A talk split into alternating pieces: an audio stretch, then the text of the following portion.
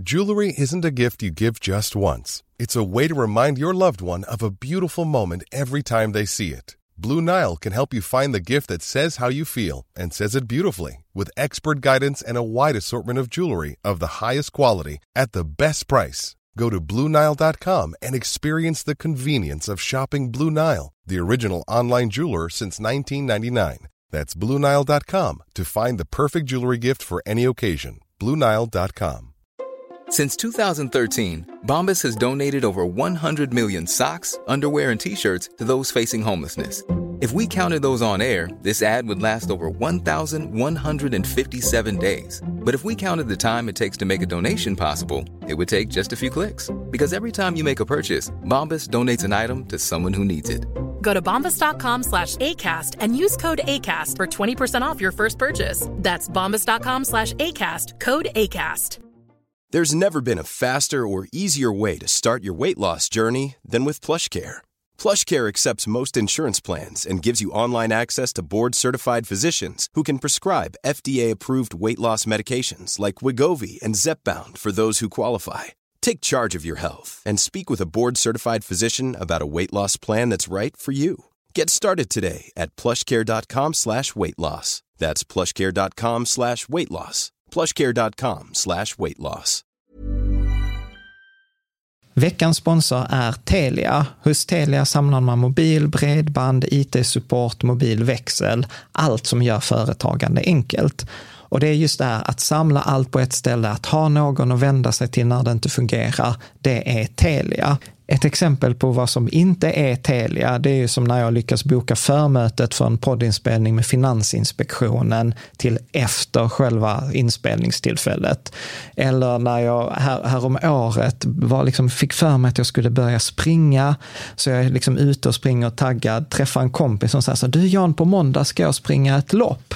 Och jag känner så här, ja men det låter inspirerande, så jag käkar pasta, jag byter om, tar mig ner till Malmö stadion för att göra en efteranmälan, står där i kön och sen så när jag liksom anmäler mig så tittar de på mig och säger så här, du Jan, vårhuset är bara till för kvinnor. Och eh, det var, det var typisk en situation som inte är Telia. Oavsett, ett stort tack till Telia som sponsrar, gör Rika Tillsammans möjligt, men framför allt tack till dig som lyssnar, följer och eh, hänger med oss varje vecka. Men det är ju det som är så himla spännande med sparande, att många gånger när man börjar så tror man att det handlar om den tekniska delen av sparandet och sen inser man att börspsykologin, eller psykologi, den emotionella delen, är den stora. Du lyssnar på Rika Tillsammans-podden som handlar om allt som är roligt med privatekonomi. I den här podden får du varje vecka ta del av konkreta tips, råd, verktyg och inspiration för att ta ditt sparande och din privatekonomi till nästa nivå på ett enkelt sätt. Vi som gör den här podden heter Jan och Caroline Bolmesson.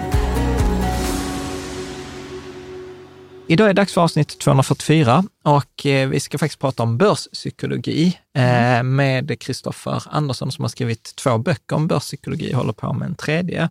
Men jag ska faktiskt säga så här att detta är första gången på 240, detta är avsnitt 244, på 243 avsnitt som jag inte har publicerat på en söndag.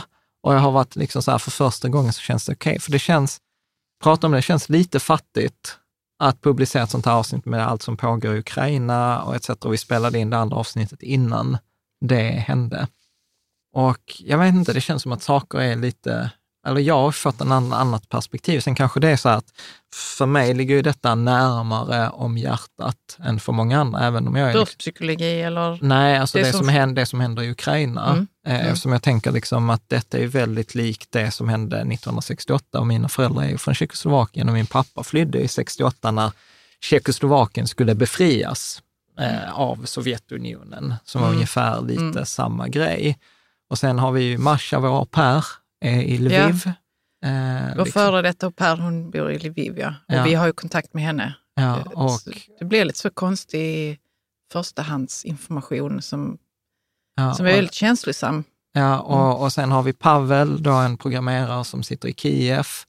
Liksom som, eh, som, du har inte hört av honom nu på ett par dagar, eller hur är det? Att två dagar har jag inte hört någonting. Mm. Eh, liksom, han har försökt ju flytta ut sin familj och sånt ur Kiev med sina två små barn. Och så var jag så här, men vill, liksom så här, försöka få dem till Sverige. Han bara, nej, nej, nej, nej, alltså jag ska, jag ska liksom tillbaka. Jag ska sätta familjen i säkerhet och så ska jag liksom tillbaka och försvara. Det är väl många som vill tillbaka och slåss? Ja, så att, Mm. eh, och det känns liksom, ja, det känns som att jag har i alla fall liksom fått lite perspektiv på grejer. Så att, och, och hur berör detta dig som lyssnar? Och, och jag tänker väl, det kanske det inte gör, men, men där, eller så här, jag tänker egentligen två grejer Mm. faktiskt. Det ena tänker jag så här att, att man behöver inte följa med så som jag gör tyvärr, att jag Twitter-knarkar. Liksom. Men jag skulle faktiskt rekommendera bloggen Cornucopia, Mm. eh, som är bloggaren Lars Wilderäng, som jag påstår har den bästa rapporteringen i Sverige just nu. Han skriver varje arti- en artikel varje dag som uppdateras löpande.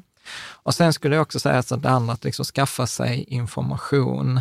Alltså att det är väldigt mycket, alltså vad är det man säger, när, när krig händer, så den första förlusten är sanningen. Mm. Eh, och där är mycket myter, allt från liksom kärnvapen och att Putin är galen och massa sådana saker. Jag ska vara så här, sanningen är ofta, precis som vi alltid pratar om i alla våra poddavsnitt, mycket, mycket mer komplex än att säga att Putin är galen. Jag tror att man gör det väldigt enkelt för sig att säga det, för att då behöver man inte sätta sig in i den världsbilden på samma Nej. sätt som jag, liksom efter det här att Sverige igår bestämde att man skulle ge ut vapen till Ukraina. Åh, nu kommer vi bli anfallna med kärnvapen och ett kärnvapen i Stockholm, så kommer liksom eh, Stockholm men- rytas ut. Men Jan, det är bra att det kommer upp de här farhågorna och frågorna, för då kan man ju ta, ja, det är kanske inte den typen av kärnvapen som vi tänker oss, eller den typen av förstörelse. Eller du vet, man kan Nej, prata men- om det ju Ja, ja. rent konkret istället för att det ligger och Ja, så man att, bara att, är att, rädd. liksom. Nej, men precis. Och att, vad, vad, att bli liksom insatt. Så nej,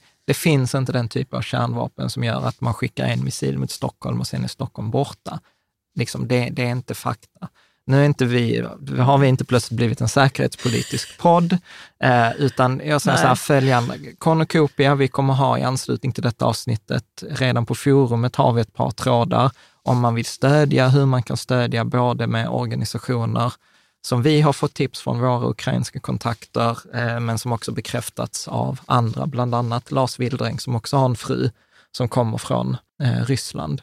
Som också har en fru som kommer från Ja, ja, Det låter jag som att det är fler än han. Det är det Nej, ju. dina föräldrar är ing- från Polen. Ja, nej, det är Så att- precis. Det är inte riktigt samma. Nej, men jag menar som också har kontakter. Ja. Eh, och sen det andra när det gäller själva sparandet, vi ska försöka, vi ska försöka göra ett avsnitt om också där, hur ska man tänka kring börsen nu? Men liksom grundregeln så här, investerar du enligt de sätten som vi och forumet och forskningen och sånt har sagt, så är detta, du har en bra båt, sitt still i båten, du behöver inte göra något, fortsätt månadsspara precis som vanligt. Liksom, vi har, människan har haft krig i alla tider, vi har kommit ur det. Vi ser en nations födelse liksom i Europa 2022. Eh, men liksom så att, så att, eh, och det var någon som hade sammanställt också Sverige har varit i krig med Ukraina, eller med, inte med Ukraina, med Ryssland 34 gånger. Men vi har, inte varit i, har vi varit Jo. i krig eller haft krigsförklaringar? Det har varit fram krigsförklaring och mellan? Sverige och Mm. Ryssland 34 gånger. Och, eh, så att liksom, fortsätt spara, gör det, detta är ingen anledning att göra något annorlunda. Nej, precis. utan, utan Keep bara... on swimming. Keep on swimming, Mm. eh, verkligen. Så kommer vi med eh, ett, eh, liksom, och sen, och sen det andra tipset alltid när det gäller sånt här med sådana här situationer, zooma ut. Det är lätt att säga att börsen har rasat med 10 procent eller med att börsen går ner 3-4 procent på en dag. Gå in på Avanza eller på ditt Lysa-konto och så tryck så här ett år, tre år, fem år, tio Ja, års graferna. Så kommer du se att liksom över tid, så även om börsen är ner nu 2022, så, så liksom tittar man på, jag tror fortfarande på 12 månader är vi fortfarande upp. Och sen så tror jag inte att eh, man ska spekulera så att finanstwitter var så här, förra veckan man ska köpa ryska aktier och sånt. Jag brukar, jag brukar avråda från att försöka vara smartare än marknaden. Och det ser vi också liksom idag. Sen det, är liksom, alltså det är så mycket man hade kunnat prata om. Men att ryska börsen håller till och med stängt idag måndag, Mm. fallit med 40 procent i förhandeln.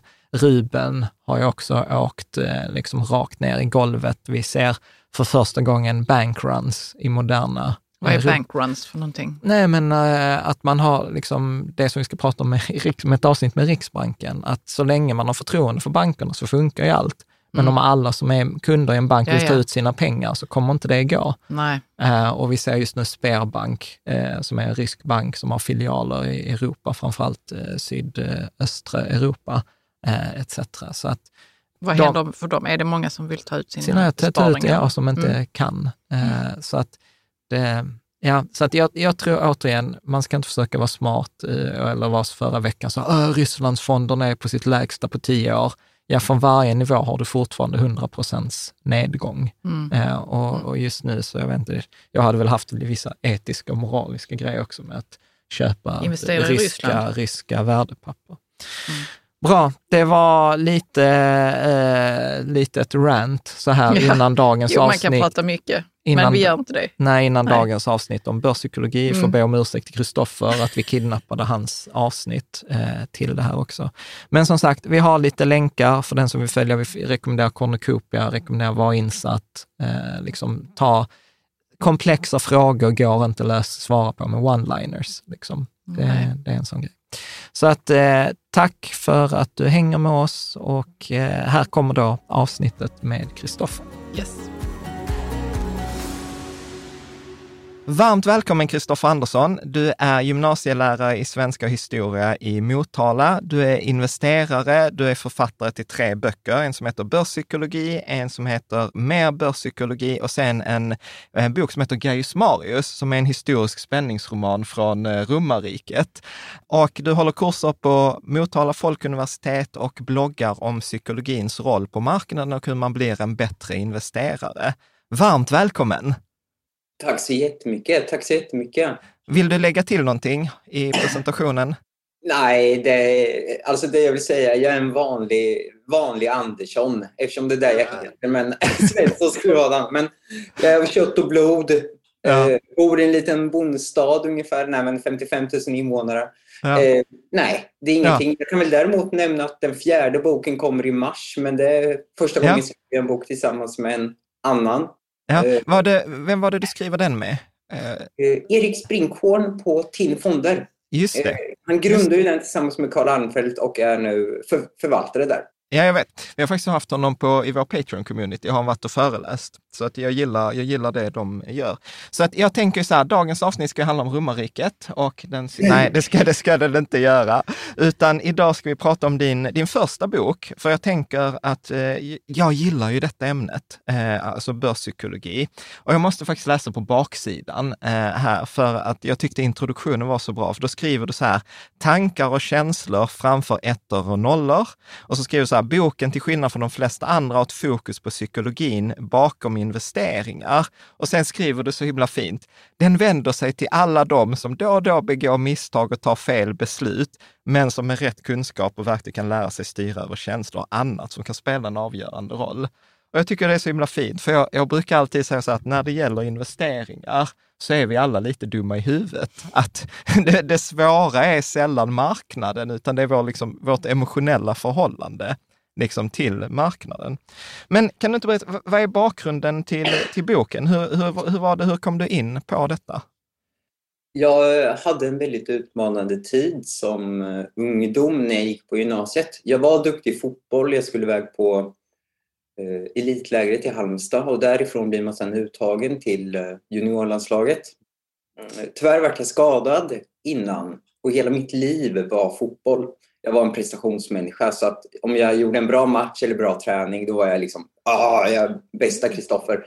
Eh, gjorde jag en dålig match då var jag värdelös. Ingen förtjänade att vara med mig. Eh, varför tittar ni ens på mig? Och för en grabb som var uppvuxen med fotboll och som hade mätt sig själv med prestationer under hela livet så var det här en, det var en ren och skär käftsmäll. Och jag föll väldigt, väldigt djupt för att den här skadan jag drabbades av, eh, en enkel meniskskada, eh, vart felopererat och eh, jag kunde inte spela fotboll därefter. Mm. Och eh, jag hamnade i en djup depression, djup svacka. Och det var mm, tack vare lite psykologhjälp, men tack vare att jag faktiskt själv insåg och förstod att jag måste sätta mig in i hur hjärnan fungerar och använda det till min fördel. Mm. Jag kan antingen lägga mig ner, tillåter mig själv att drunkna. Eller så reser jag mig upp och är starkare. Ja. Men jag, för jag tänkte på det där, för jag, jag kände igen mig rätt mycket. Jag, jag har ju haft uppe detta i, i vår podd tidigare, att du skrev så att du var känd som MVG Kristoffer.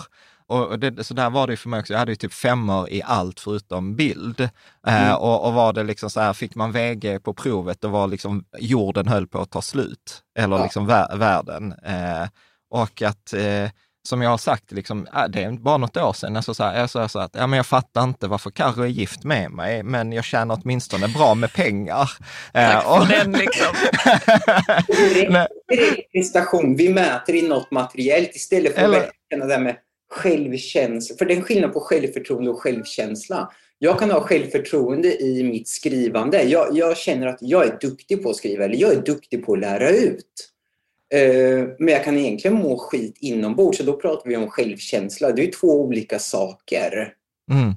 Men, men hur, för, för att vi hade lätt, jag tror att vi lätt hade kunnat göra ett sånt här bara vara-avsnitt där vi bara pratar eh, liksom så känslor. Men jag tror att det hade varit lite synd, det kan vi också göra. Men jag gillar ju din bok för att där är det mycket fokus på investeringar, aktier eh, och eh, din bok är ju upplagd, detta är faktiskt ganska kul tyckte jag Karo, att Kristoffer har skrivit liksom varje kapitel först om en sån här psykologisk eh, effekt kan man säga. Och sen har du två personer, Niklas och Kajsa, där, där, där, man så här, som efter att ha investerat i 25 år, har man jättemycket empati med Niklas, som tycker lite synd om honom.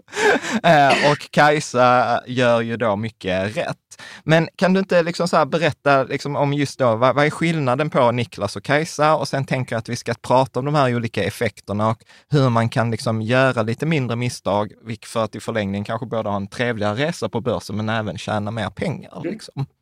Eh, du sa att vi inte ska prata känslor, men det är egentligen det vi kommer att fokusera på, för att det är ju det som är psykologi. Ofta är ju det känslor. Ja. Men för att återgå till Niklas och Kajsa. Eh, som, som du, du, presenterade mig och sa att jag är lärare och eh, pedagogik är någonting jag brinner för. Alla kan vara duktiga på ett ämne, men kan du inte lära ut dem och förklara det, då är du inte en duktig lärare. Du kan ju liksom, du kan ju, ja, ha en master i vilket ämne som helst, men kan du inte förklara det för andra, då försvinner ju lite av mm, behållningen med det. Men mm. Niklas, min plan var när jag skrev boken var att om jag först presenterar den här biasen, den här mentala fallgruppen, försöker att vara så tydlig som möjligt men också hänvisa till forskning för de som vill gräva vidare eller verkligen dubbelkolla så att det stämmer. Sen var planen att också kan man också exemplifiera det här med två fiktiva karaktärer så att det först objektivt skildrade också skildras i två case. Mm. Och då får vi följa Niklas som är, ja han lider väl av varenda mental fallgrop som man kan drabbas av. Väldigt naiv, fastnar i stunden, Eh, litar mycket på system 1, eh, aktiverar ytterkällan system 2. Och ofta går det ju inte så bra, eller mer korrekt, det går aldrig bra för honom. Men system 1 och, och system 2, det är ju olika kommer, sätt att tänka på. Ja, jag, jag tänker vi kommer, vi, vi, vi kommer mm. dit. Vi kommer, ja, vi kommer dit. Vi, kommer dit. vi ska inte gå, ja förlåt om jag går händelserna i förväg. Mm. Och så har vi um, Kajsa och hon är egentligen raka motsatsen till Niklas, men hon visar också att hon lär sig också under gången. Hon är mer rationell, lugn, logisk, eh, går inte händelserna i förväg, litar inte till slumpen, ja. eh, utvärderande. Ja. Mm. Du pratar om det också i boken som, att, som är skillnaden på ett statiskt och ett dynamiskt mindset. Mm. Så kan vi inte börja där, tänker jag. Eh, liksom. vad, vad, är, hur, hur det, vad, vad, är ett statiskt och dynamiskt mindset och varför är det viktigt? att definiera eh, de två. Jag kan ju slå, eh, direkt berätta att jag är ju inte världens bästa investerare. För vore jag det så skulle jag nog inte sitta här i Motala. Jag skulle nog äga en Söderhavsö och bara ligga och läsa böcker hela dagarna.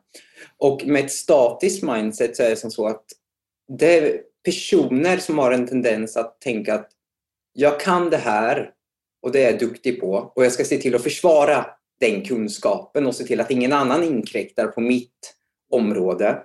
Och allt annat som jag inte kan idag kan jag inte lära mig heller. Så det är heller ingen idé att jag ens försöker att lära mig det. Mm. Growth mindset, eller dynamiskt mindset som eh, vi översätter det till, är att det är mer den här tanken att jag kan det inte idag, men jag vill lära mig. Berätta mer. Eller jag kan det inte än. Snälla, berätta mer. Mm. Growth mindset, det är där vi ska applicera. Okej, okay, jag kan inte allt om investeringar. Men jag kan lära mig att bli en bättre investerare genom att läsa, genom att vara ödmjuk mot de misstag jag har begått och de misstag jag begår. Och istället för att gräva ner sig när man har gjort en felaktig investering, gå tillbaka och se hur kommer det sig att jag gjorde den här? Mm. Vad var faktorerna som gjorde att jag begick det här misstaget? Och gör om det till en lär, ett lärande. Mm. För om du verkligen drar lärdom av det kommer du troligtvis inte att återupprepa det. Och det är ju en vinst. Mm. Så growth mindset, dynamiskt mindset är någonting jag alltid vill att man ska applicera oavsett om det är att laga mat eller investera. Mm. För det är som att säga, eh, jag kan inte. Föddes, kunde du cykla när du föddes? Ja. Nej, såklart. Okay, ja, ja, alla utom du kunde det. Men, ja. Ja. Nej, men jag, jag gillar jättemycket detta, för att vi, vi har ju gjort försök det där i många år, till exempel med våra barn, när de säger så här, men jag kan inte det, och då brukar jag ibland, en, mm. liksom att jag lägger till det där, eller eh, jag tänker också att det var ju liksom en av de stora insikterna, för att när jag hade liksom typ förlorat mina pengar andra gången, där typ 2008, liksom första mm. gången i it-bubblan. You and me both. Ja, men precis då, då sa ju, då kommer jag ihåg att jag hade liksom några äldre människor runt mig och som var så här, grattis, nu har du förlorat alla dina pengar, så vad är det mest fantastiska med det här? Och jag var så här, hur kan ni säga något sånt? Det är väl inget som är fantastiskt med det här? Och de där, nej, kanske inte med att du förlorat pengar, men du har ju världens lärotillfälle. Nu fick mm. du det här lärotillfället serverat i en tunna med skit. Mm. Men, men liksom... Det är ju reframing eller vad man ska säga. Ja, att man, om, om man sätter en annan ram på det som har hänt mm. och ser det inte som en skit, utan ja. som att det var något, något som jag skulle lära mig av det. Ja. Men Jan, jag måste fråga dig då. Var det inte så att då får du liksom eh, säga att ja, men de här misstagen hände. Mm. Eh, det har med mig att göra, men jag behöver inte gå in känslomässigt. Alltså att man detachar sig själv. Vad heter det? När man... Ja, jag vet men precis att, att det blir dissociera. Dissociera sig själv från eh, det som hände som att det har med mig att göra, men det är ändå en, en isolerad händelse. Ja, men, ja, men för precis. jag är intresserad av hur man gör det där, att reframa liksom. Nej, men jag tror att, för det första tror jag att det är en träning eh, träning verkligen, att det är inget som kommer naturligt och, och det är jobbigt och, och, jag tror att det handlar liksom också så här, jag tror du är också inne på det i boken, men så här eh, acceptans. Finns det inte någon så här psykologisk teori som heter så här, självacceptans eller acceptance? Ja, du har ju ACT, accept, Acceptance and Commitment Therapy. Det är det och KBT som är de virala idag. Men jag tycker verkligen att båda de två är jättebra. Det är accept, eh, acceptans och att sen eh, förhålla sig till ja. det. Eh, jag accepterar att jag är inte störst. Nej, men så här, jag accepterar att jag kan inte allt om investeringar idag. Ja. Jag accepterar det och jag förhåller mig till det. Ja. Jag försöker att påverka det jag kan påverka och det jag inte kan påverka låter jag vara.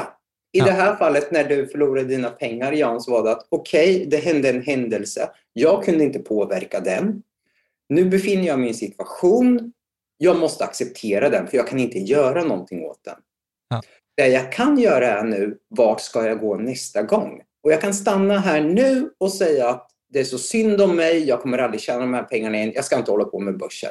Ja. Vil, vilket, är, vilket är ju det värsta som kan hända. Det är det sämsta ja. du kan göra. Det är det ja. sämsta du kan göra. Men också säkert ganska vanligt. Absolut. Kan jag tänka mig, för det är så mycket känslor involverat i att man förlorade pengar. Och... Och då, och då hamnar man i nästa loop som bara förstärker så här, men du vet så här, jag, jag tänkte innan att börsen var ett kasino. Nu testar jag det, börsen var ett kasino, nu fick jag det bevisat eftersom jag förlorade pengar, vilket gör att det kommer bara förstärka min tro att börsen är ett kasino, investeringar bara ett spel och det är till för någon annan och så investerar man inte. Jag har träffat hur många sådana människor som helst. Mm. Men, men jag tänker tillbaka till din fråga, Karo.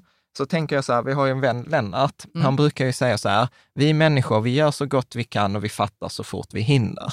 Ja, det kanske är det finaste jag har hört faktiskt. Ja, vi gör så gott vi kan och vi fattar så fort vi hinner. Och sen så, och sen så också en annan, eh, Klas-Erik, som sa till mig så här, Jan, när en person med pengar träffar en person med erfarenhet, så händer alltid samma sak. Personen med erfarenhet får pengar och personen med pengar får erfarenhet. Mm. Så grattis, du har varit med i ett sådant byte. och, och, det där tänker jag ju liksom också, som du frågade Karo, hur kan man göra rent konkret?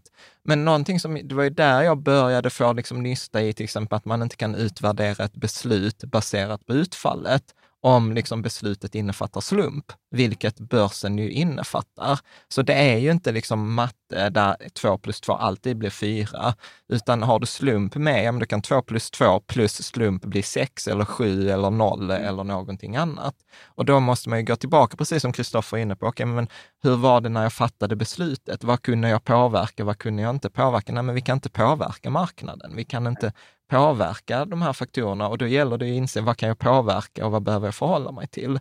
Mm. Eh, och där har vi också en kompis eh, som är med i så här 12-stegsprogrammet. Där är ju det också en punkt, liksom så här, se vad du kan påverka och vad du inte kan påverka och visdomen där, däremellan. Att förstå, att förstå skillnaden skillnaderna. däremellan. Liksom. Ja men, ja men super. Så för det, det, skrev du också, du pratar mycket om de här lärotillfällena i boken. Jag tror till och med du skriver så här, we learn from failure, not from success mm. eh, var ett sånt eh, liksom, citat. Men så om vi skulle sammanfatta liksom denna första, eh, eller vänta, innan vi går vidare, jag tänkte en grej till. För att det låter ju ganska så här, när, när, du beskrev då Niklas och Kajsa, eller där statiskt versus dynamiskt, så känns det ju som att rätt svar är dynamiskt. Mm. Men, men jag tror också ofta att man lurar sig själv.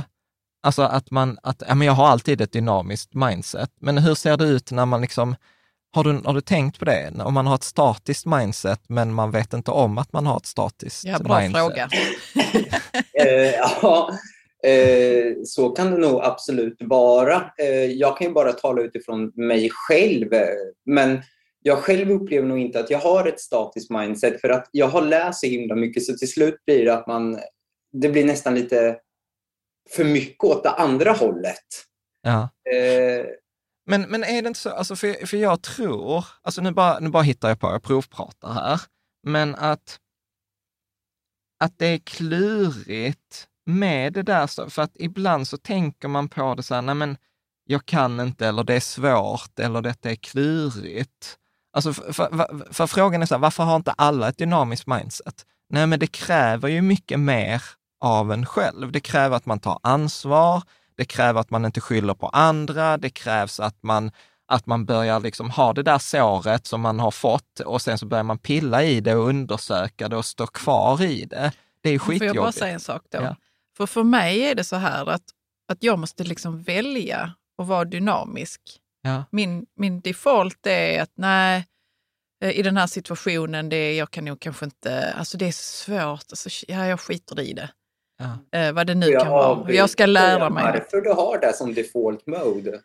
Ja, jag, jag vet inte. Utan jag har liksom, jag, I många situationer får jag tänka så här, men alltså jag har ju klarat av grejer innan och lära mig saker. Det kan verka komplext nu, men jag måste bara sätta mig in i det lite grann så kanske det går bättre. Det, jag, jag får jobba mycket med det, att öva mig på ett dynamiskt sätt att angripa problem. Ja. Och jag upplever att jag får göra det hela tiden. Att det inte är så att jag har lärt mig det och sen så är det fritt fram. Liksom. Ja. Det är sån isgata för mig, det är bara skata. Nej, det är inte för mig i alla fall. Ja. Vad tänker du Kristoffer? Jag tror att ni har helt rätt i det där och anledningen till att du upplever att det är default mode, alltså scratch-grejer, det är för att det är det i vår hjärna. Den är programmerad så. Eh, eh, jag kan berätta en kort anekdot som kommer att förklara det hela bra. Alltså, vi lever i en tid där tekniken utvecklas enormt fort. Men vår kropp och framförallt vår hjärna, den lever kvar för 10 000 år sedan. På savannen. Den har inte utvecklats någonting. De här 10 000 år sedan, ursäkta mitt uttryck, det är en piss i Mississippi. Det är en fis i rymden som min mamma sa när jag var liten. Det är, alltså tid, det är minimalt, det är millisekunden på sekunden. Om vi går tillbaks till tiden då, de människorna som levde då, då fanns inte ett ICA vid varje gatuhörn. Det fanns inte McDonalds där. Det fanns ingen brandkår, ingen ambulans. varje dag var en kamp efter mat. Och människan har ju tre primitiva, vi vill få mat för att överleva, skydd för att överleva och kvinna eller man för fortplantning. Det är de tre vi drivs av, än idag också. Idag använder vi pengar för att betala skydd i form av hus och försäkringar och pengar för att köpa mat. Men då var man ju tvungen att i grupp leta och jaga och bygga och skydda. Om vi nu vet att vi vet inte när vi får mat nästa gång. Det kan dröja en, två, tre dagar innan vi får mat. Hjärnan väger en och en halv, ett och ett halvt kilo, men står för 25 procent av all energiförbrukning. Hjärnan är alltså programmerad att skapa bästa beslut men göra av med så lite energi som möjligt. Så därför är den alltid inställd på att jag kan inte det här. För att annars måste ju den anstränga sig och det kostar energi. Energi vi inte historiskt haft tillgång till. Det är därför vi idag ofta kör slumpen. Det är därför vi gärna lockas av att sitta i soffan istället för att gå till gymmet. Det är därför vi inte ens orkar gå och sätta på kaffemaskinen utan vi använder en app på telefonen. Det är därför vi inte orkar laga mat utan istället ringer vi hem ett bud som kommer med maten. Hjärnan lever kvar på savannen där fokus var att spara och lagra energin. Mm. Och ändå, ändå sitter vi här i våra soffor och, och har det trevligt här nu i form av ett hus. Vi har ju, vi har ju det andra systemet också. När kommer det igång? Det där dynamiska. Ja, eh, eh, Eller system, vi kan ju ta system 1 och system 2. Är det system 1 och system 2 ja, vi, vi är på väg om? dit. Ungefär så. Vi är, vi, är ungefär, vi är ungefär inne på det här. För system 1, det är ju det, det är vårt tanke och beslutssystem som är igång 24-7, dygnet runt. Och det hjälper oss mer med de här lätta besluten och det är även det som har hjälpt oss att överleva. Eh, var vi ute på savannen, eh, vi ser en tiger, då är det ju direkt spring. Och det har ju hjälpt oss att överleva. För om alla hade stått kvar där som någon Janne Långben så hade vi, människorna blivit uppätna och människorna hade inte funnits kvar idag. Samma system är det ju idag om du går över övergångsstället och det kommer en bil som inte ser dig. Du hoppar ju direkt undan och det hjälper dig att överleva. Snabba beslut kräver minimalt med energi. System 2 däremot är mer rationellt och logiskt tänkande, men det kräver också mer energi det kan, hjärnan kan inte ha igång det dygnet runt, för den lever ännu kvar på tiden när vi inte hade energi. Så då måste man aktivt anstränga sig och det är då vi kommer till det du beskriver, ja men det är jobbigt. Ja. Alltså precis, det är mycket, mycket enklare att säga så här, du är dum, eller liksom, ja, det, det, eller, eller jag, jag, hade, jag hade Det som otur. hände mig var dåligt och det var inte mm. mitt fel. Ja, precis. Det var inte mitt fel. ja, det, jag brukar säga till mina elever så att um, i historia, ja men nu har ni de här sidorna att läsa. Det är jätteduktiga elever, fantastiska elever, så jag brukar skoja lite med dem då och då. Okej, okay, här får ni av tråkiga Kristoffer, här har ni 30 sidor i läroboken att läsa. Hur många här kommer gå hem och googla svaren? Och så är jag, jag säger, var ärliga nu, för det är inte mig ni gör det här, det är er skull ni gör det för Säger någon som rycker upp handen. Mm. Om jag ställer sen följdfrågor på examinationen som kommer då när ni ska förklara det här svaret ni har googlat, kommer ni att klara det då? Nej. Men erkänn att ni sparade tid då när ni satt och pluggade, för ni behövde ju inte läsa, utan det var tio googlingar, det var tio minuter, sen var ni klara. Sen kunde ni spela Fortnite. Ja, ja. Varför tar vi genvägen till jobbet? Inte för, bara för att det går snabbare, det är för att spara energi. Men ofta de här genvägarna leder ju långsiktigt till sämre resultat. Börsen rasar nu. Det är röda siffror i min portfölj. Jag mår skit. Oh, det är obehagligt pengar. Oh, jag håller på att bli fattig. Oh, jag kommer inte råd att köpa mat. Allting. Jag säljer nu så blir jag kvitt obehaget. Fast, ja, Men är det långsiktigt hållbart?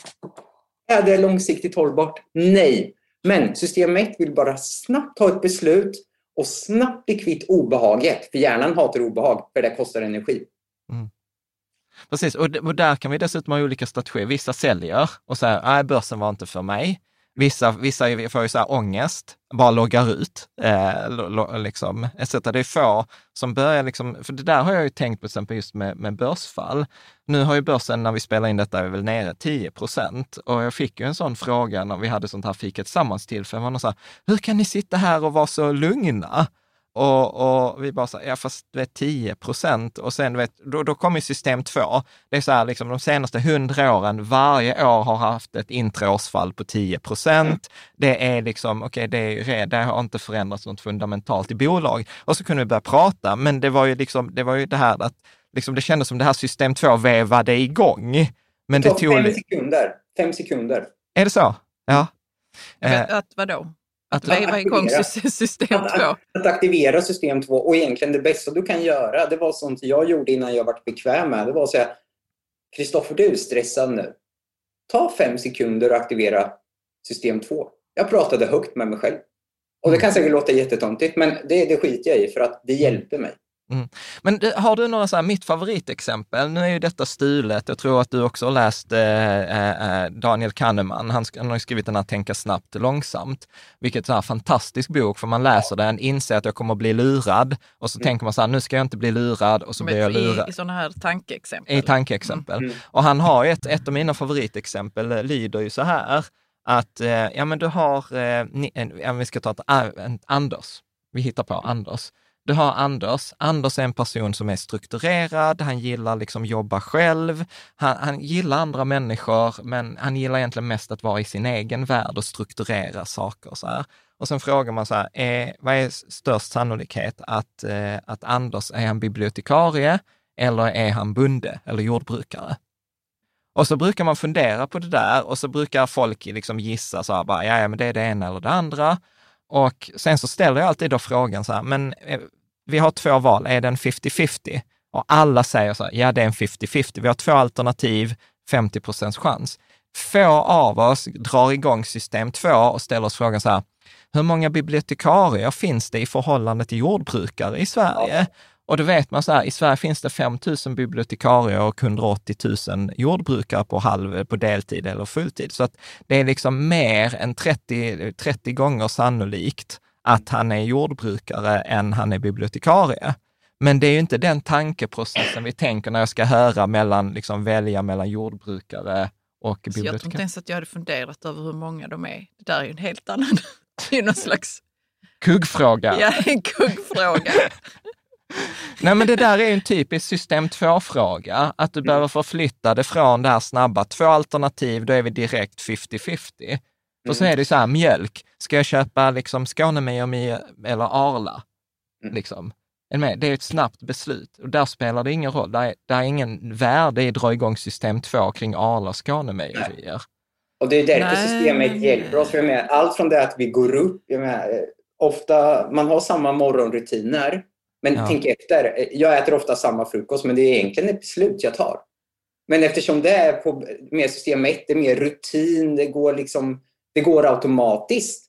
System 1, det är automatiska ja. tänkandet nästan. Så kostar ju inte det mig någon energi. Och där har du ju också samma. Du ser fundersam ut, Karo. Om vi kan gå tillbaka till bibliotekarien och bunden. Ja. Millions of people have lost weight with personalized plans from Noom. Like Evan, who can't stand salads and still lost 50 pounds. Salads generally for most people are the easy button, right? For me, that wasn't an option. I never really was a salad guy. That's just not who I am. But Noom worked for me. Get your personalized plan today at Noom.com. Real Noom user compensated to provide their story. In four weeks, the typical Noom user can expect to lose one to two pounds per week. Individual results may vary. Hey, I'm Ryan Reynolds. At Mint Mobile, we like to do the opposite of what Big Wireless does. They charge you a lot, we charge you a little. So naturally, when they announced they'd be raising their prices due to inflation, we decided to deflate our prices due to not hating you. That's right. We're cutting the price of Mint Unlimited from $30 a month to just $15 a month. Give it a try at mintmobile.com slash switch. $45 upfront for three months plus taxes and fees. Promote for new customers for limited time. Unlimited more than 40 gigabytes per month. Slows. Full terms at mintmobile.com. This is Paige, the co-host of Giggly Squad. And I want to tell you about a company that I've been loving, Olive and June. Olive and June gives you everything that you need for a salon quality manicure in one box. And if you break it down, it really comes out to $2 a manicure, which is absolutely insane. It's also so easy to get salon worthy nails at home with Olive and June. The difference between how your nails used to look when you did them yourself and now with the Manny system is a complete game changer. The best thing about Olive and June, too, is it's a quick dry. Dries in about one minute, lasts for five days, and full coverage in up to one to two coats. Visit oliveandjune.com slash perfectmanny20 for 20% off your first system. That's oliveandjune.com slash perfectmanny20 for 20% off your first system.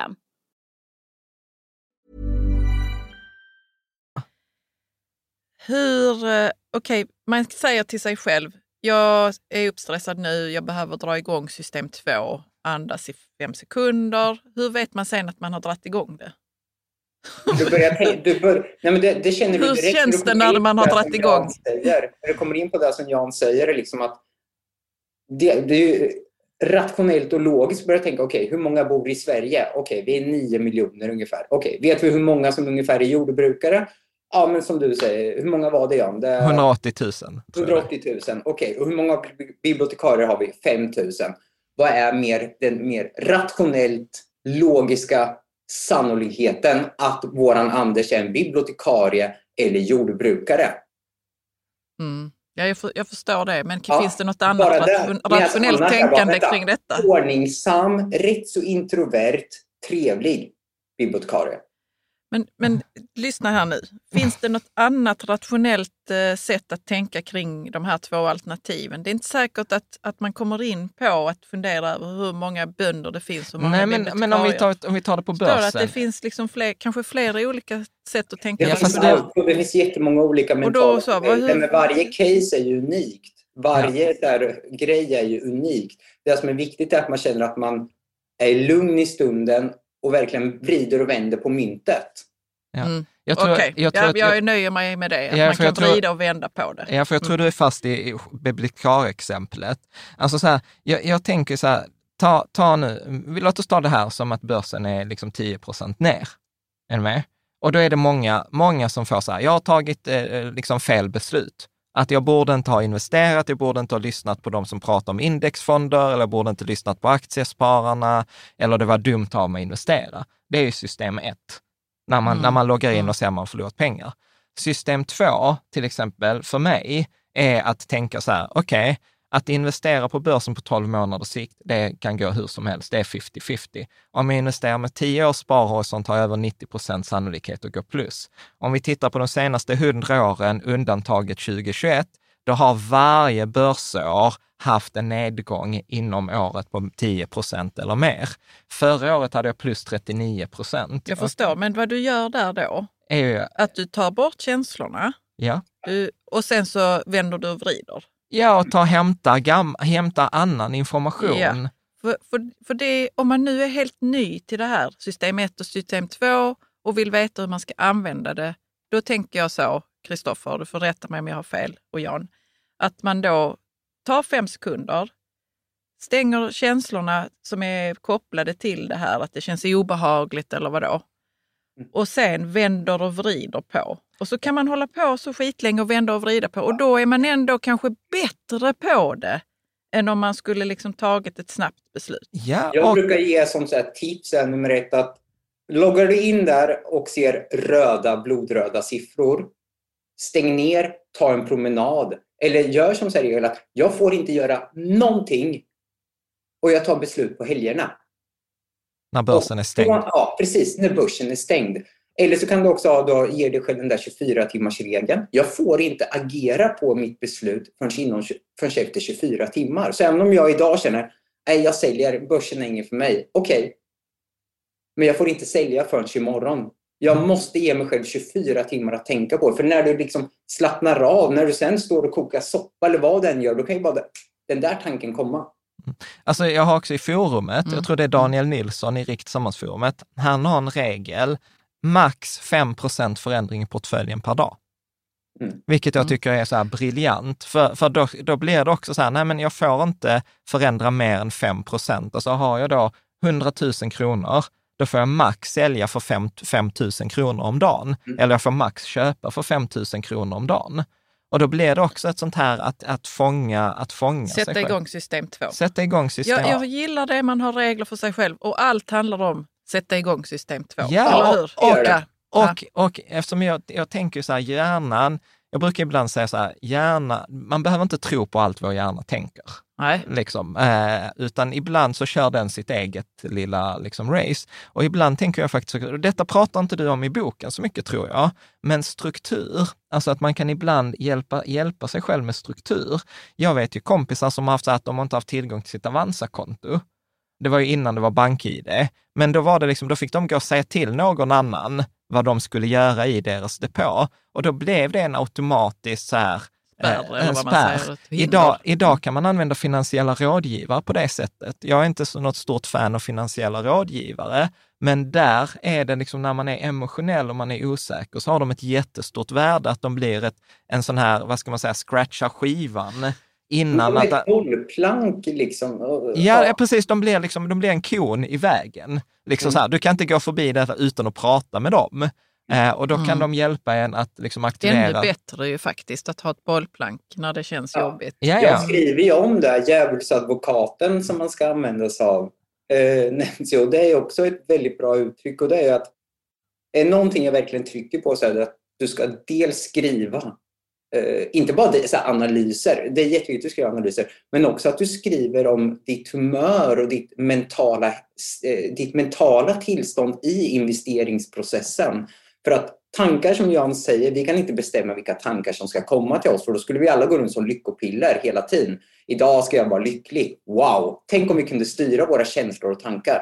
Mm. Vi kan på ett sätt försöka rikta dem. Och det har att göra med, då pratar man om någonting som heter eh, attraktionskraften. Om jag tänk, försöker att tänka positivt så kommer jag också uppleva saker mer positivt. Vaknar jag en dag och det regnar ute, jävla pissväder. Ja, och yoghurten smakar illa. Och duschen var nog lite kall idag. Ja, tro tusan att bussen var försenad. Istället kan man vända på det att, fan vad gött, jag fick sova i natt. Ja, jag fick mat i magen. Okej, vattnet var inte det varmaste, men det var skönt med en dusch. Ja, bussen två minuter försenad, men hej, jag kommer ju fram i alla fall. Mm. Man vänder men, på det. Men ja. när det kommer till tankar och känslor, när tankar är här inne, då har de världens makt. När vi däremot skriver ut dem, så har de inte samma makt. För det är då vi skalar av dem. De blir, ehm, hur ska vi säga, eh, de blir tomma. Jag brukar dra ett exempel av att jag hade en vän som led av anorexia. Och i min väns huvud, vi kan kalla honom Nils, så sa hjärnspöket, och jag ämnar inte att på något sätt dra ner den här hemska sjukdomen, för jag har sett det. Det, det är hemskt. Men i hans huvud så sa hjärnspöket att äter du ett äpple blir du tjock. Och i hans värld, här inne, det var ju sanning. Det var sanning. Hans psykolog sa, skriv ner det här och sen läser du det. Både med en seriös röst men också med så lite komediröst. Så han gjorde det. Jag blir tjock om jag äter ett äpple. Jag blir tjock om jag äter ett äpple. Jag blir tjock om jag äter ett äpple. Han hörde ju egentligen hur banalt dumt det var. Men här inne, världens makt. Mm. Här inne. Där, ja, men det är väl att dissociera det, det som händer sig. inne i hjärnan och ta ut det och titta på det och se det för och, vad det är. Och sen, det bästa sättet att jätte... kommunicera med sig själv, det är att skriva. Och mm. att prata med andra och lyssna på vad är deras åsikter, deras reflektioner. Där har du djävulsadvokaten. Ja. Nej, men det, där, det där har jag gjort på terapikurs. Eh, också så här, man fick skriva ner sitt problem och sen läsa det för andra personer. Och sen så fick man läsa typ för tio olika personer och du vet efter tredje gången så var man ganska trött och berättade om sitt skit för, för andra. Så man var inte intresserad av att ha den skiten? intresserad så att jag femte gången bara, alltså vet ni vad, detta är, detta är bara bajs. Ja. liksom. Men, men jag ska, jag ska ta knyta an till en av dem du sa skriva ner. Eh, för det, det, där är ju liksom ett terapitrick eh, som funkar jättebra. Men vi hade under 2020, eh, när, när vi hade coronakraschen, så var ett av de tips, och detta fick jag också för många år sedan, var skriv investeringsdagbok. Mm. Skriv varje dag hur det funkar. Och vi fick faktiskt en kopia, jag tror det var mm. Mattias Ipsonius, en läsare, hans investeringsdagbok. Och det var, alltså det var magiskt att läsa. Du vet så här, och nu har börsen gått ner, jag känner det här, jag vill göra det här, men jag agerar inte. Så att är man ny så vill jag verkligen rekommendera att skriva investeringsdagbok. Inte bara på affärerna man gör eller inte gör, utan precis hur känner jag när jag mm, går detta? jag göra? Mm. Och, och det där gör ju att, alltså apropå det där när en person med pengar träffar en person med erfarenhet, det är ju gud, alltså så här, i och med att jag varit med i it-bubblan 2008, 2011, 16, nu när coronakraschen var så kunde vi hålla, verkligen vara rationella i det där och faktiskt bara öka månadssparandet, eh, göra liksom rätt. Och sen, och det andra, förlåt, det andra tipset jag tänkte på, för det skrev du också i boken, eh, då skriver du så här, där är en stor styrka i att kunna säga så här, jag kan inte det här, men det är intressant och jag vill lära mig, jag vill lära mig mer. Kan du hjälpa mig? Att, att be om hjälp, alltså att be andra människor om hjälp, eh, för att det är svårt, om inte omöjligt, skulle jag säga, att tänka en ny tanke själv. Och det, det har jag kört på föreläsningar. Jag har ibland sagt till så här folk så här, men vet du vad? Vänd dig till personen som sitter bredvid och berätta en tanke du aldrig har tänkt förut. Och, mm och det går ju inte liksom. Nej, Ut, utan vi måste ju ha input från andra människor.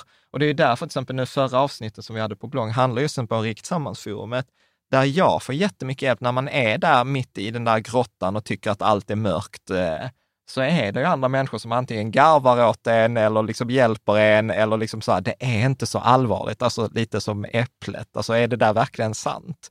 Mm. Men får jag bara flika ja. in något som jag också behöver jobba mycket med. Nu är jag 45 mm. och, ju, och jag har märkt att ju äldre jag blir desto mer prestige har jag i att jag borde veta, jag borde kunna. En eh, sån som jag borde. Ja, eh, och så tänker jag så, tänk om man är 70 och helt nybörjare på det här med pengar. Alltså det måste ju, då måste man ju få lov att vara nybörjare. Ja. Och, mm. eh, och lägga undan den prestigen också så att man borde veta allting redan. Ja. Nej, men jag, brukar, jag brukar också säga så här på föreläsningar, jag brukar säga så här, det är svårt att lära sig nya saker och se snygg ut samtidigt. Ja. Liksom. Mm. Och, och, många, och det där ser jag faktiskt eh, liksom i vår omgivning nu, så där folk börjar bli 40, man har gjort sina 15 år på ett företag eller börjar komma upp i karriären. Sjukt många som inte är nybörjare någonstans. Alltså det här beginners mindset. Mm. Eh, ja, att, det där dynamiska sättet. Jag, ja, jag vill lära mig jag det, jag lära, kan inte det. Ja. Men alltså det tyckte vi så här, när vi började på så här, israelisk kampsport. Det var så här, totala nybörjare. Och vänta, och detta är det, detta är det roligaste. Så har vi tränat i två år i Malmö och sen så vår tränare i Malmö ville inte ha fler grupper. Så var jag så här, ja, men då börjar vi träna i Lund. Och sen så kom jag dit första träningen i Lund. Och så är jag så här, ni gör fel.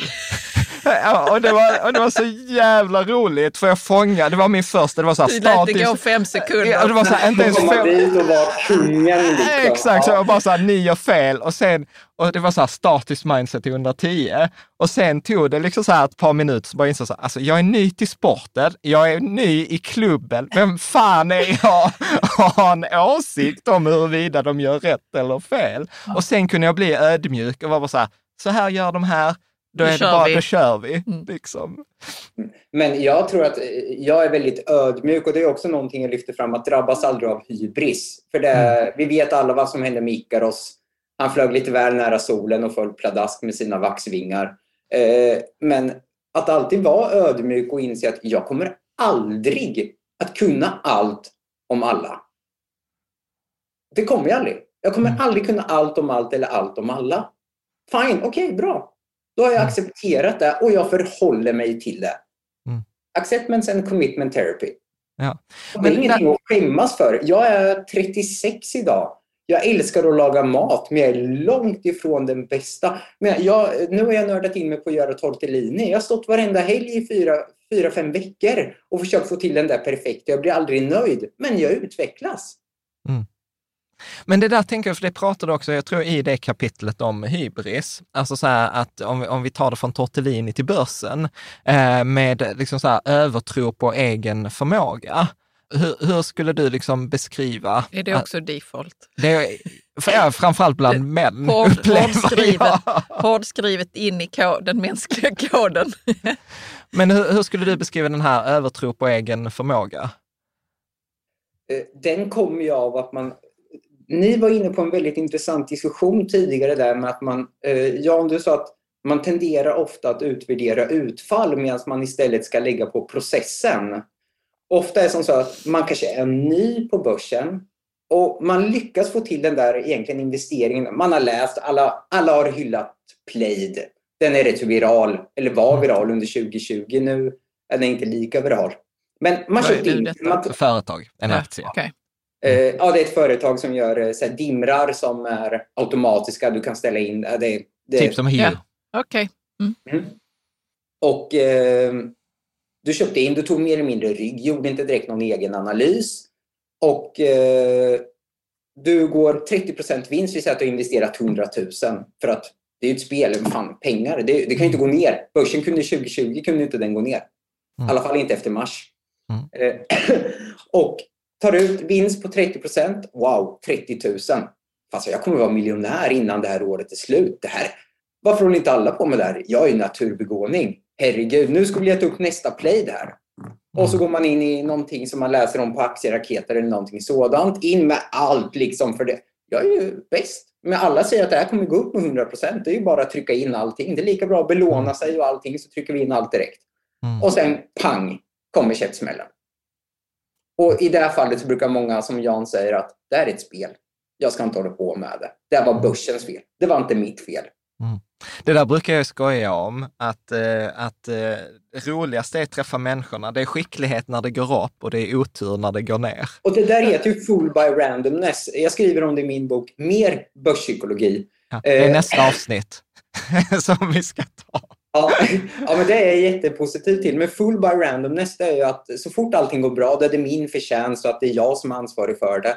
När det går dåligt på börsen eller i livet, då är det otur det var rätt så kul att um, jag skriver en bra, bra en metafor för det. Jag vet, tycker ni om fotboll? Mm. Mm. Eh, får jag fråga vilket lag du hejar på? Tänk på vad du svarar nu, Jan. MFF. Ja. Det är väl rätt svar. Ja. ja alltså, jag, jag, ska, jag, ska visa min, vänta, ja, jag ska visa min inkompetens för att vid ett tillfälle så frågar någon mig, så så här, vilket lag hejar du på? Och så är det Malmö MFF.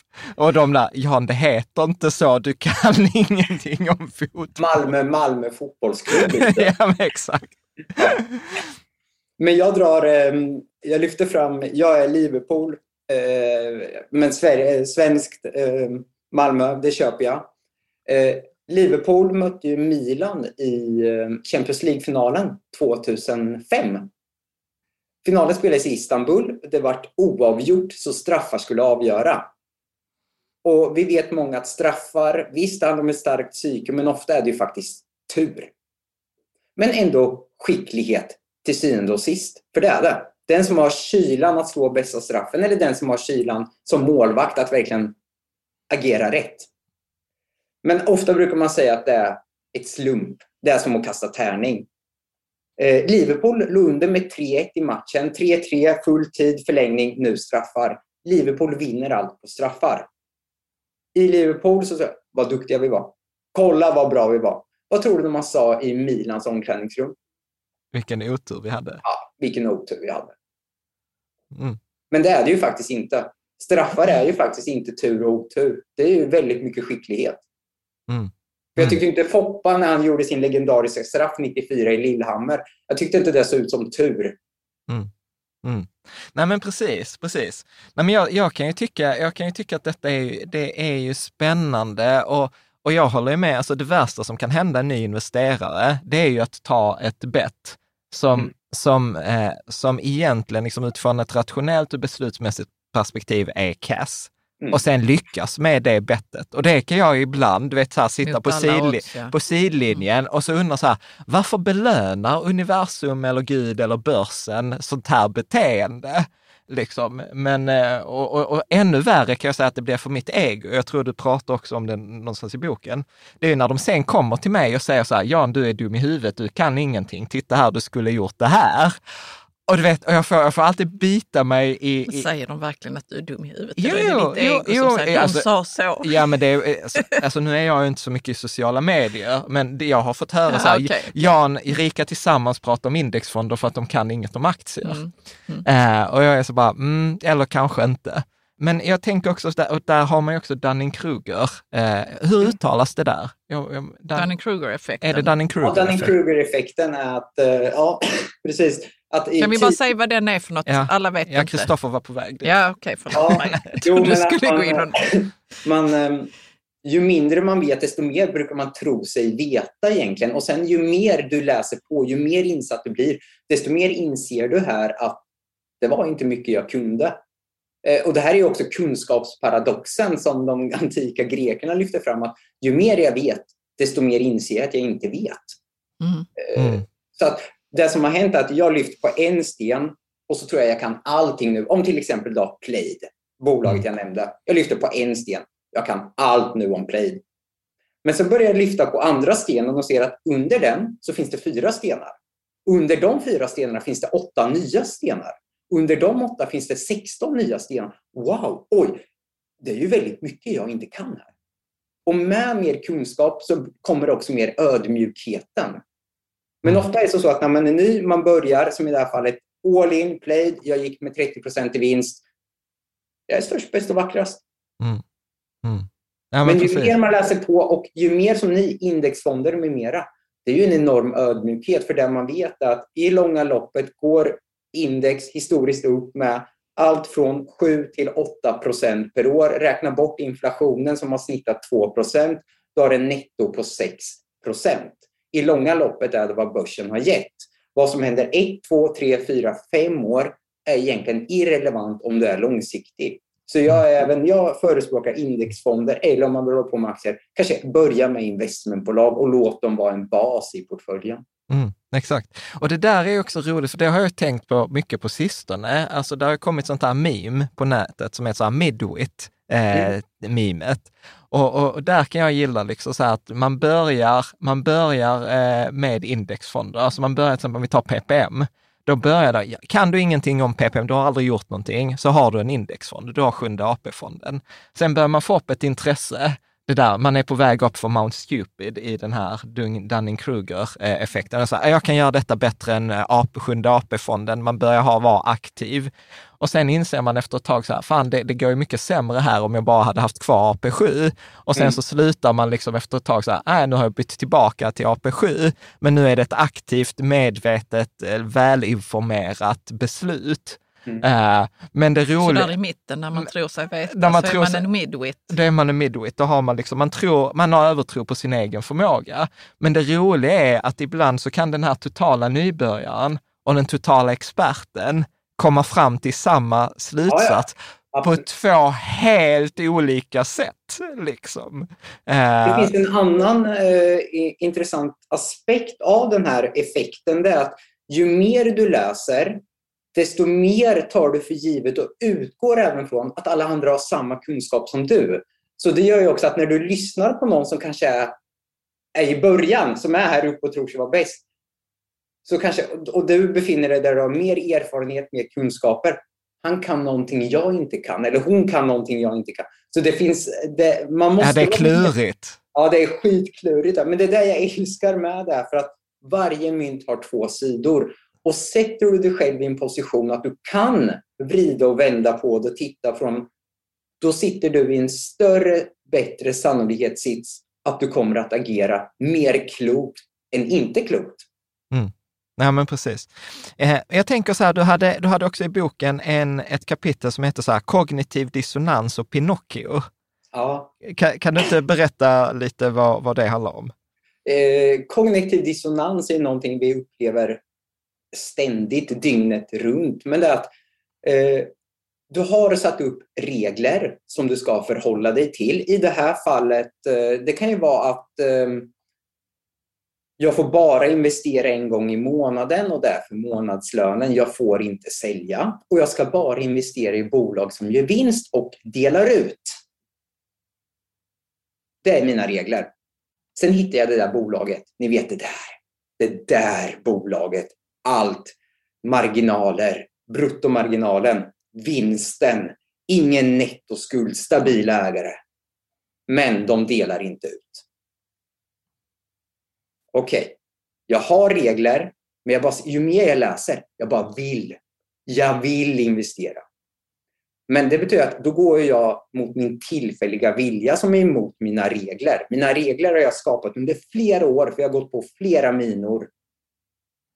Men vad gör jag då? då? För att nu vart det obehagligt här inne. Nu vart det obehagligt och kom ihåg att hjärnan vill spara på energi. Mm. Så vad gör vi då? Bara idag. Bara idag. Jag har regler. Jag ska inte äta godis för jag ska spara mig till beach 2022. Jag kommer hem. Det var en helvetiskt jobbig dag. Chefen har varit på mig hela veckan och tror tusen att det står en godisskål framme här nu. Nej, bara idag. Jag är värd det. Bara idag. Det är kognitiv dissonans. Det är när vi har bestämt oss för någonting, satt upp regler, men när det kommer ett tillfälle, när vi lockas av någonting och viljan säger jag vill det här nu. Hjärnan gör då det snabba för att spara på energi istället för att ta kampen och säga håll ut. Du ska inte äta godis. Långsiktigt har du lovat dig själv. Långsiktigt kommer du vara vinnare på att inte äta godis. Men det är tusan jobbigt. Det är mm. jobbigt. Och vi tar det. En Dumle. Ja, vi tar två. Ja, mm. och där var skålen slut. Mm. Det är så här, köp inte, köp, snitta inte ner dig. Och så blir det så här, ja men, så här, nej, men nu blev det ju billigare, ja men jag köper lite till. Ja men ja. nu har det gått ner ännu mer, alltså nu är det ju på rea på riktigt. Ja. Alltså jag borde liksom inte köpa nu och så köper man då. Mm. Eller så här, nej men jag ska inte ha den här vikten mot på detta bolaget. Mm. Ja men det har ju gått så bra, den har ju mm. ökat. Men är man inte lite motarbetad av sig själv? Jo! Alltså det är ju också spännande att bryta mot reglerna. Jo, men det är så det... Jag får nog en dopaminkick av det. Jag håller jämt på med det där. Ja, ja, jag håller på med jag det med mat. Jag gillar inte reglerna, det är ett jävla fängelse. Ja. Men jag kan ha det för att bryta mot dem, för det är så skönt att göra det. Nej, men jag tror att reglerna har tillkommit av en viss anledning. Och jag lit, det är också, du ska alltid utvärdera processen och utfallen hela tiden. Och regler, med, de kan ändras. Men sitter du, wow, wow, bara sådär i stunden. Däremot om du låter det ta två, tre, fyra veckor att det är att utvecklas, vill jag äga det här bolaget? Mm. Ge det en vecka, ge det en helg och tänk på det. Är det samma starka känsla att du vill äga det då när du har tänkt tillbaka på alla tidigare miner du har gjort mm. med bolag som har varit olönsamma till exempel? Men du, det där tänkte jag på, eh, för det där hade jag ett samtal med eh, Arne Talving, som är Kavastu på Twitter för ett tag sedan. Han är liksom jätteduktig investerare, men eh, så hade han en utbildning som var superbra och, och så pratade han om massa regler. Så gav han upp sådana regler för hur han investerar. Och, och det är lätt, återigen, system 1. Åh, titta nu har jag fått massa regler, nu kommer jag bli lika duktig som Arne. Och jag som liksom varit med ett tag i gamet var så här, mm, Arne, så här, om du tycker att det är fel på en regel, liksom, vad gör du då? Och då säger han så här, ja, då, då gör jag en notis att jag tror att denna regeln är fel. Sen samlar jag data i två, två och ett halvt år och sen efter två, två och ett halvt år så utvärderar jag om datan stödjer att det är fel i den här regeln och är det då fel så efter två, två, tre år så byter jag den regeln. Men under de här två och en halv åren som jag tror att regeln är fel så följer jag den i alla fall. Mm. Och jag var så här, jag kommer aldrig bli eh, en investerare som kan investera enligt de här reglerna, för tycker jag att det är fel på regeln, du vet, då vill jag ju ändra den direkt. Mm. Liksom. Eh, och då insåg jag så här, nej, men liksom hemligheten med, med Kavastu, som jag tror de flesta har missuppfattat, det är ju liksom den emotionella, den psykologiska biten, att kunna hålla kvar vid sina regler i mm. två och ett halvt år, även om du tror att de är fel. Och det är mycket svårare att att se eller tro eller kopiera. Vem som helst kan kopiera regler som står på papper.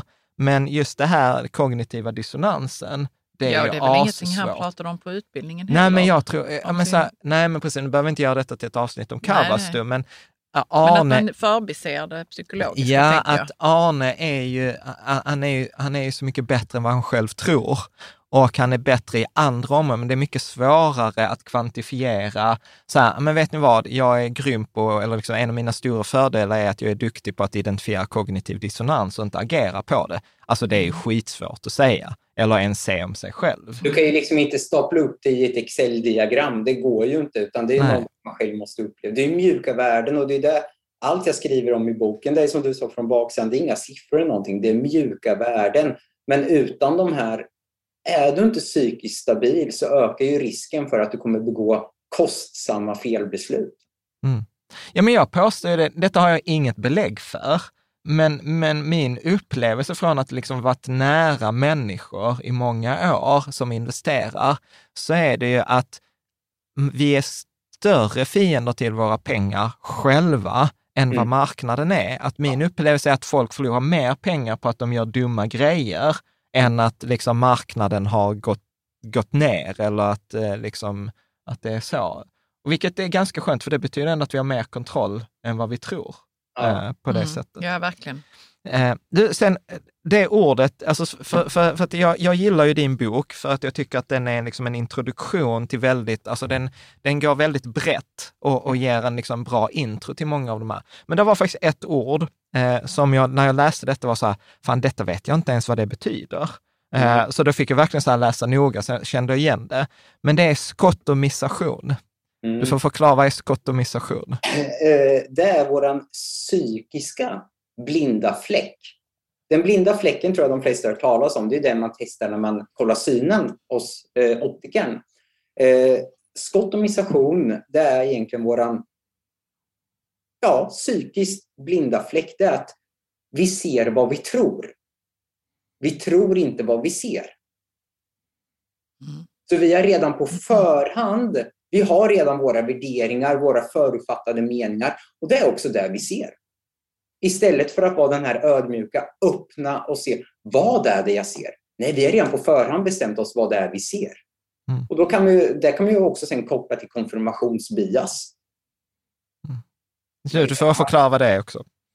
Konfirmationsbias är att vi alltid letar efter fakta som stärker våran tes, som håller med oss. Vi letar eh, efter bevis. Ja.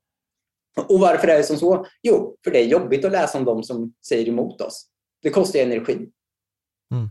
Eh, och eh, då är det ju skönare att hela tiden leta efter de som dunkar oss i ryggen.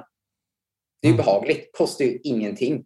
Det vi alltid ska sträva efter, det är att prata med de som är anti det vi tycker och tänker. De som skriver anti mot oss. För det tvingar oss att argumentera emot. Och kan inte jag motivera eller argumentera för varför jag ska investera i det här bolaget som jag älskar, då håller ju inte mitt case. Mm. Alltså ska jag inte investera i det. Mm. Alltså det där kan jag säga ett väldigt konkret exempel från hösten 2021 när Storskogen skulle börsnoteras. Mm. Så att vi är ett gäng i Rik Tillsammans-communityn som har haft en stor position i Storskogen sedan innan det börsnoterades. Och vi har ju varit entusiastiska, det har gått skitbra och sen så ska Storskogen börsnoteras. Och varenda analys är negativ. Alltså varenda en. Du vet så här, affärsvärlden hissade flaggor, Dagens Industri var så här, storskogen, den nya snårskogen. Alltså man får ändå ge dem så här kreativa rubriker.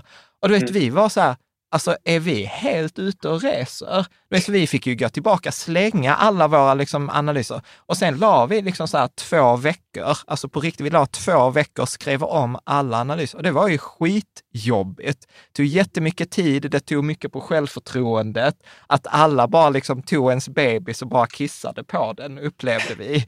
Liksom. Eh, och då var det precis som du säger, alltså eh, en enorm emotionell ansträngning att först vara shit, ingen håller med oss och sen bara gå och göra om allt jobbet. Men gud vad nyttigt det var, eh, mm. skulle jag säga. Karo, du bara sitter här och ser finurlig ut. Nej, jag, jag och sitter och suger in allting. Ja, men precis. In, ja, jag är ödmjuk. Men, men sen jag tänkte faktiskt också på en, en annan grej. Ray Dalio, som är så här hedgefondfund på Bridgewater, han brukar ju prata om detta att du ser inte verkligheten så som den är, du ser verkligheten så som du, du tror. Och att då är liksom värdet är det att ha thoughtful disagreement, att, att kunna sätta dig med människor som inte ser världen som du, men att kunna prata med dem. För problemet är ju ofta att vi hamnar i argumentation eller att man ska bevisa sin poäng eller hävda ego eller hävda prestige. Mm. Du menar också lyssna på dem?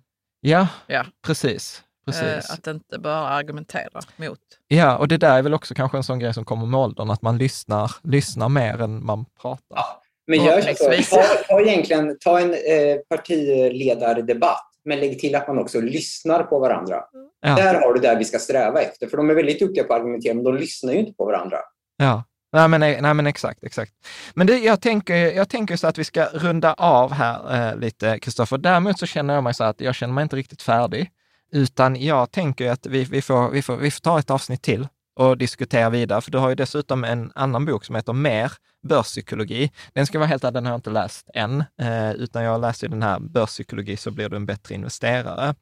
Och eh, jag tänker så här, är det något sista liksom så här, tips? Du vet när du har pratat med folk som du känner att du vet så här, men detta, detta är sånt här, ja men bra. Ja, jag brukar faktiskt, jag har ett återkommande citat i boken Eh, där jag parafraserar eh, William Shakespeare. Och där, eh, min engelska är inte den bästa, så jag mm. översätter här nu. Mm. En, en narr tror sig vara vis, medan en vis man vet sig vara en narr. Mm. A fool think of himself as a wise man, but a wise man know himself to be a fool. Mm. Mm. Jag tror att man hela tiden ska utgå från det, oavsett vad du gör. I allt från att du ska laga mat till att du ska hjälpa en vän med att packa en väska eller bara investera. Mm. Det där är spännande. Alltså det är roligt för många sådana här smarta människor har ju varianter på detta citat. Jag tänkte på när jag läste det, tänkte jag på Richard Feynman, en så här känd fysiker. Han, han skrev också så här, kom ihåg det viktigaste är, lura inte dig själv, men kom ihåg att du är den enklaste att lura. Ja, Eller att bli lurad. Eh, liksom. Så att det är samma. Vi kanske får gå in på det mer, hur man då inte ska lura sig själv. Men det alltså, för det är lätt att säga att man inte ska det, men sen hur, jag, hur ja, vet men, jag att jag inte lurar mig ja, men jag själv? Tror, liksom? jag, jag skulle påstå att det är så här, ifrågasätt dig själv, vänd och vrid, detta ja. som du var inne på, ja, två sidor av mynt. Mm. Prata med andra, mm. sök aktivt upp eh, de som inte håller med dig. Eh, mm. liksom fråga dem, hur ser du på, mm. på det här? Och att se det att det inte handlar om konkurrent, utan att det handlar om spelet är inte mot andra, utan spelet är verkligen mot sig själv. Ja. Mm. mm. Jag vet inte, vad skulle du säga Kristoffer? Nu börjar jag kidnappa dina svar. Nej, jag, jag, jag håller med det där och det är någonting vi skulle kunna ta i ett annat avsnitt där, att kampen är inte mot de andra, för vi kommer in väldigt mycket på det här med flockbeteende och FOMO och sånt med mera.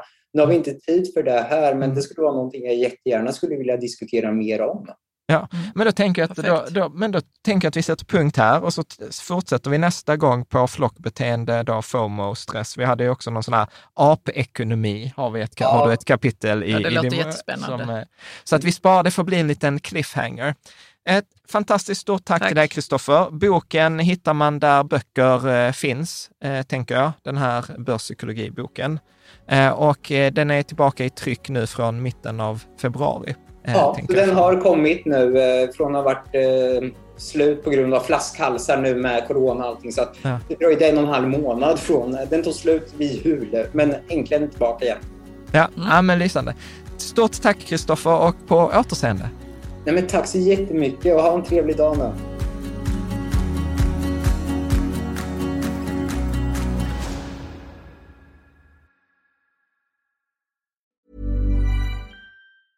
Ever catch yourself eating the same flavorless dinner three days in a row? Dreaming of something better? Well, HelloFresh is your guilt-free dream come true, baby. It's me, Kiki Palmer. Let's wake up those taste buds with hot, juicy pecan-crusted chicken or garlic butter shrimp scampi. Mm. Hello Fresh. Stop dreaming of all the delicious possibilities and dig in at HelloFresh.com. Let's get this dinner party started.